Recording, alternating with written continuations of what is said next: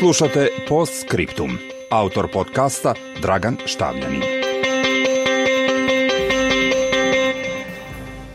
Uprkos, ili bolje rečeno upravo zbog očekivano ubedljive pobede Vladimira Putina na predsjedničkim izborima, Rusija i dalje ostaje zagonetka umotana u misteriju unutar enigme, kako je opisao Winston Churchill – Zapravo, ključno na ovom plebiscitu masovne podrške Putinu nije bio rezultat, već šta će biti kada mu istekne četvrti mandat 2024. godine.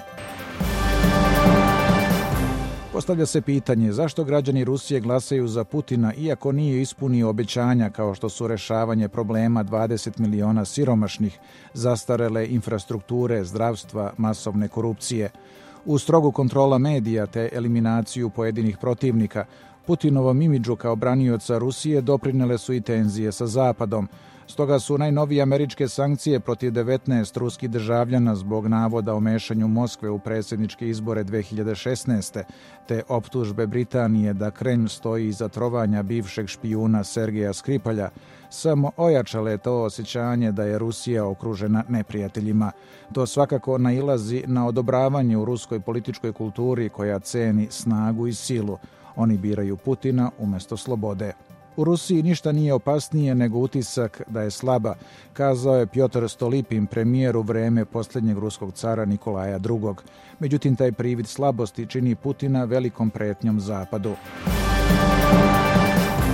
U svakom slučaju, niko ne očekuje da će se Putin penzionisati i pecati ribu.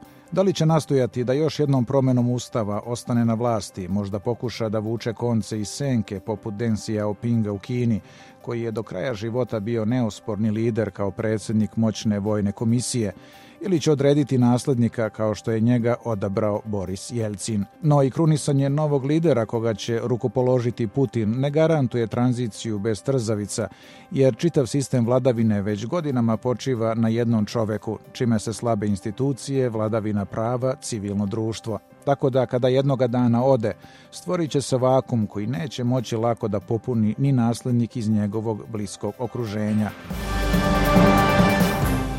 Grupaciju u Kremlju koja kontroliše svu vlast i bogatstvo potreban je zaštitnik kako bi sačuvala pozicije. Stoga je pitanje da li Putin može da se 2024. mirno penzioniše.